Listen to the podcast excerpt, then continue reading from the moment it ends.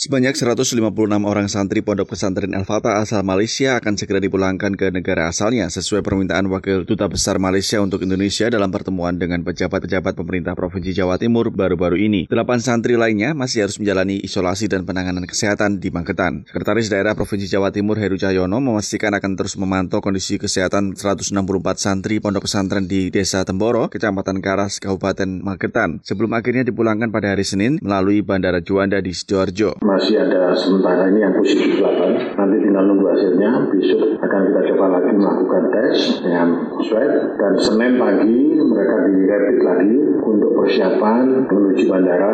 Pemulangan para santri asal Malaysia ini, kata Heru, akan tetap memperhatikan protokol kesehatan yang ketat hingga diserahkan kepada Dinas Kesehatan Malaysia saat berada di dalam pesawat terbang. Jadi status di 15 penumpang karena jaraknya kita atur kita menggunakan 10 bis untuk menuju di bandara. Sholatnya pun disiapkan di bandara, buka puasa, tidak terlalu lama harus segera boarding dan di dalam pesawat Malaysia Airlines akan ditangani oleh Dinas Kesehatan Malaysia. Bupati Magetan Suprawoto menyebut 30 kasus positif corona di Kabupaten Magetan sesuai data terbaru, 9 orang berasal dari klaster Bogor dan 21 orang ada di Desa Temboro. Dari angka itu, 16 merupakan kasus positif baru dan semuanya berasal dari Pondok Pesantren Al-Fatah Temboro. Dari 16 kasus baru, 8 orang berasal dari Malaysia, satu dari Thailand, dan sisanya dari Lampung, Lombok, Kendari, Makassar, Temanggung, dan Magetan. Pondok Pesantren Al-Fatah merupakan pondok pesantren terbesar di Magetan, memiliki 20.000 orang santri, 900 22 orang berasal dari negara-negara ASEAN. Temuan kasus positif di pondok pesantren ini tidak lepas dari temuan kasus positif corona oleh pemerintah Malaysia setelah separuh santri asal Malaysia pulang terlebih dahulu dari pondok pesantren Al-Fatah Temboro.